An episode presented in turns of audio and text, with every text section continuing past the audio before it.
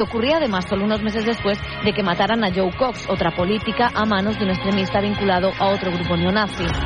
Hay que ser más duros, porque se avecina una guerra. Tenemos que adentrarnos en ese grupo. Dice cosas muy malas. Y si el grupo estuviera maquinando algo, nos enteraríamos demasiado tarde. The Walking se convierte así en un viaje tenso y reflexivo por el momento actual. Son ya las 7 y 20 de la mañana, las 6 y 20 en Canarias. Cadena Ser Catalunya. Allà on vagis, Ser Catalunya t'acompanya. Escolta Ser Catalunya en directe des de qualsevol lloc Som a la barra de bar amb la Núria Casas. amb l'aplicació de la cadena Ser. Som a tot arreu. Som al teu costat. Descarrega't l'app de la Ser, cadena Ser, i busca Ser Catalunya. Ser Catalunya. Arroba Ser Catalunya. Al perfil de Ser Catalunya trobaràs tot el que passa davant i darrere els micròfons. Posa cara a la ràdio i no et perdis res. Segueix Ser Catalunya a Instagram. Arroba Ser Catalunya.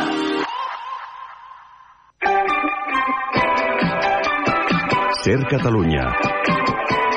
La força de la conversa.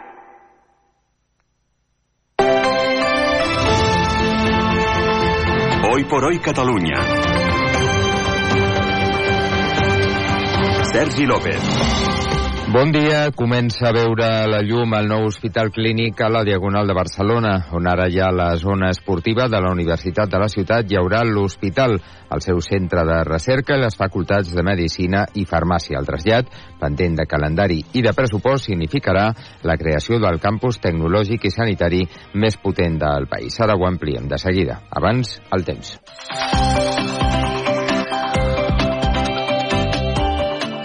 Què ens espera avui, Jordi Carbó? El matí ha començat amb una mica més de fred que ahir, tot i així les temperatures són poc baixes.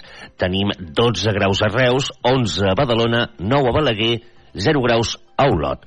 El sol a la tarda ajudarà que les temperatures s'enfilin una mica més que ahir. En el conjunt de Catalunya ens mourem al voltant dels 15 graus. I al matí, a estones, la nuvolositat serà abundant, sense cap mena de precipitació, però s'aniran obrint clarianes, sobretot a partir de migdia, de manera que durant la tarda acabarà fent força sol. Demà temps semblant, però compte perquè la propera matinada la boira s'extendrà per gran part de l'interior.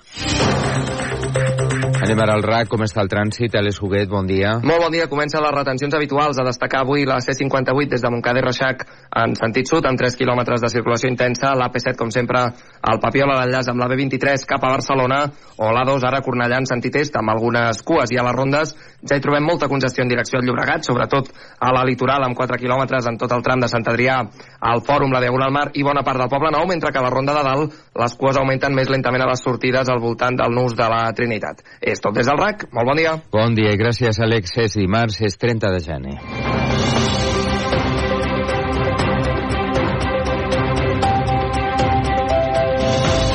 Carles Couso, bon dia. Hola, bon dia, Sergi. El trasllat a l'Hospital Clínic de Barcelona, a la part alta de l'Avinguda Diagonal, consolidarà la constitució del pol tecnològic i sanitari més potent del país, segons coincideixen les institucions implicades. Sí, a més, suposarà una de les transformacions urbanístiques més importants de Catalunya en els propers anys. Les administracions han signat el conveni de col·laboració del projecte, que encara no té pressupost ni calendari. Amb els detalls, Susana Ruiz. L'hospital, el seu centre de recerca i les facultats de Medicina i de Farmàcia es traslladaran als terrenys que ara ocupen les instal·lacions esportives de la Universitat de Barcelona a la Diagonal. Manel Balcells és el conseller de Salut. que és la consolidació d'un nou pol de recerca biomèdica, de consolidació d'un hospital de referència a nivell internacional, amb l'operació urbanística de les més importants i transcendents que tindrà aquest país en els propers anys. Encara no s'han definit els aspectes tècnics i financers del projecte, tampoc el calendari, però per la seva magnitud, immediat no serà.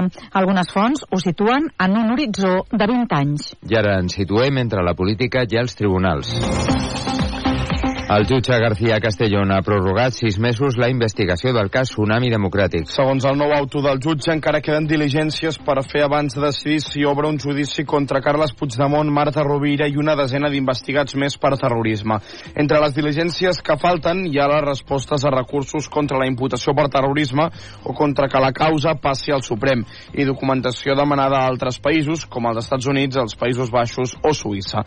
El jutge García Castellón també vol tenir la declaració dels familiars del turista francès mort d'un infart durant l'ocupació de l'aeroport del Prat l'octubre del 2019. I una altra pròrroga, la del cas Volhov, el jutge de la causa coneguda com a branca russa del procés, Joaquín Aguirre, tindrà sis mesos per investigar els fets. El magistrat diu que necessita més informació per decidir si envia la causa a judici o si l'arxiva.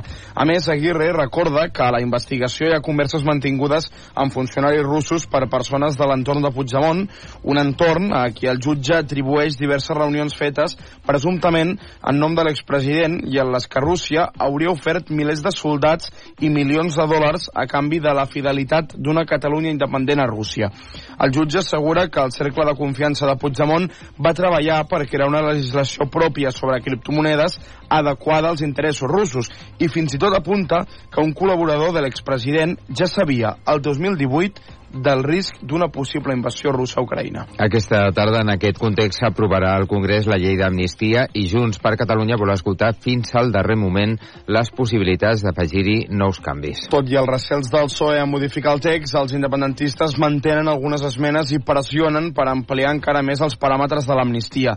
Tant Junts com Esquerra volen mantenir viva fins al darrer moment la possibilitat que s'acabi eliminant de la llei tota menció al terrorisme, per tal que aquest delicte no quedi explícit explícitament exclòs de l'amnistia.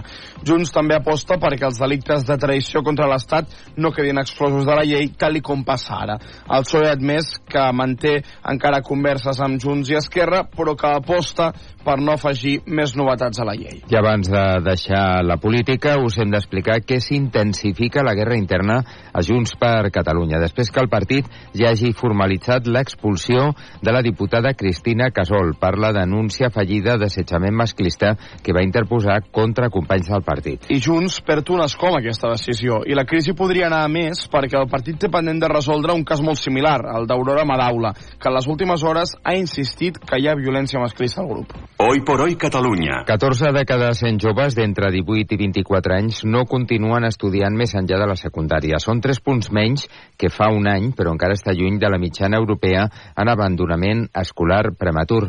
Soledad Domínguez. La reducció respecte a 2022 és molt significativa, llavors la taxa d'abandonament prematur fregava el 17%. La directora general d'atenció a l'alumnat, Anna Chillida, celebra que les mesures que s'han posat en marxa funcionen i recorda que en breu aplicaran una molt esperada. Compartirem les dades de l'alumnat abandonador amb els municipis perquè encara puguem teixir més xarxa i que com a departament doncs, ens vam comprometre a elaborar un pla de xoc contra l'abandonament escolar prematur que intensifiqui aquestes mesures que veiem que estan funcionant. Malgrat la millora registrada el darrer any, Catalunya dobla la taxa d'abandonament de comunitats com Navarra, Euskadi o Cantàbria i està també per sobre de les dades de Madrid, Aragó o Extremadura. Les contencions mecàniques, és a dir, les immobilitzacions per motius disciplinaris, s'han gairebé duplicat a les presons catalanes, mentre que a la resta de l'Estat han baixat. Són dades de l'Observatori del Sistema Penal i els Drets Humans de la Universitat de Barcelona que demana mesures per reduir-les. Amb totes les dades, Pol Valero. Segons el seu informe, si el 2017 es feien 6 contencions per cada 100 presos, el 2022 se'n van fer 12.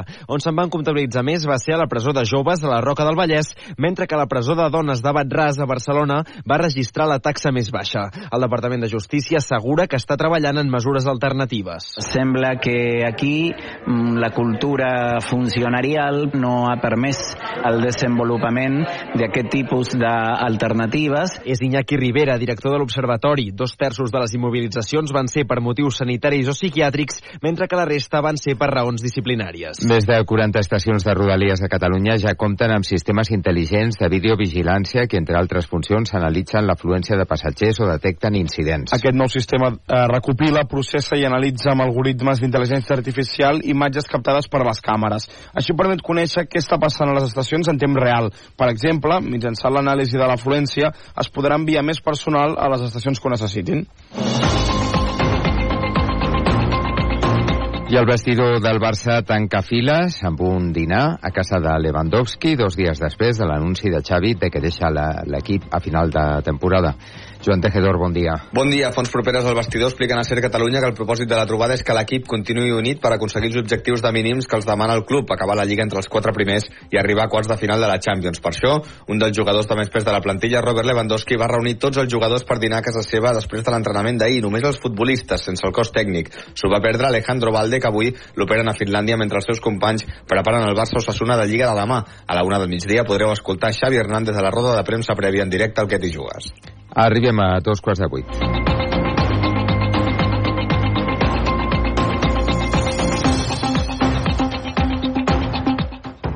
Son las siete y media, las seis y media en Canarias. Hoy por hoy, con Ángeles Barceló.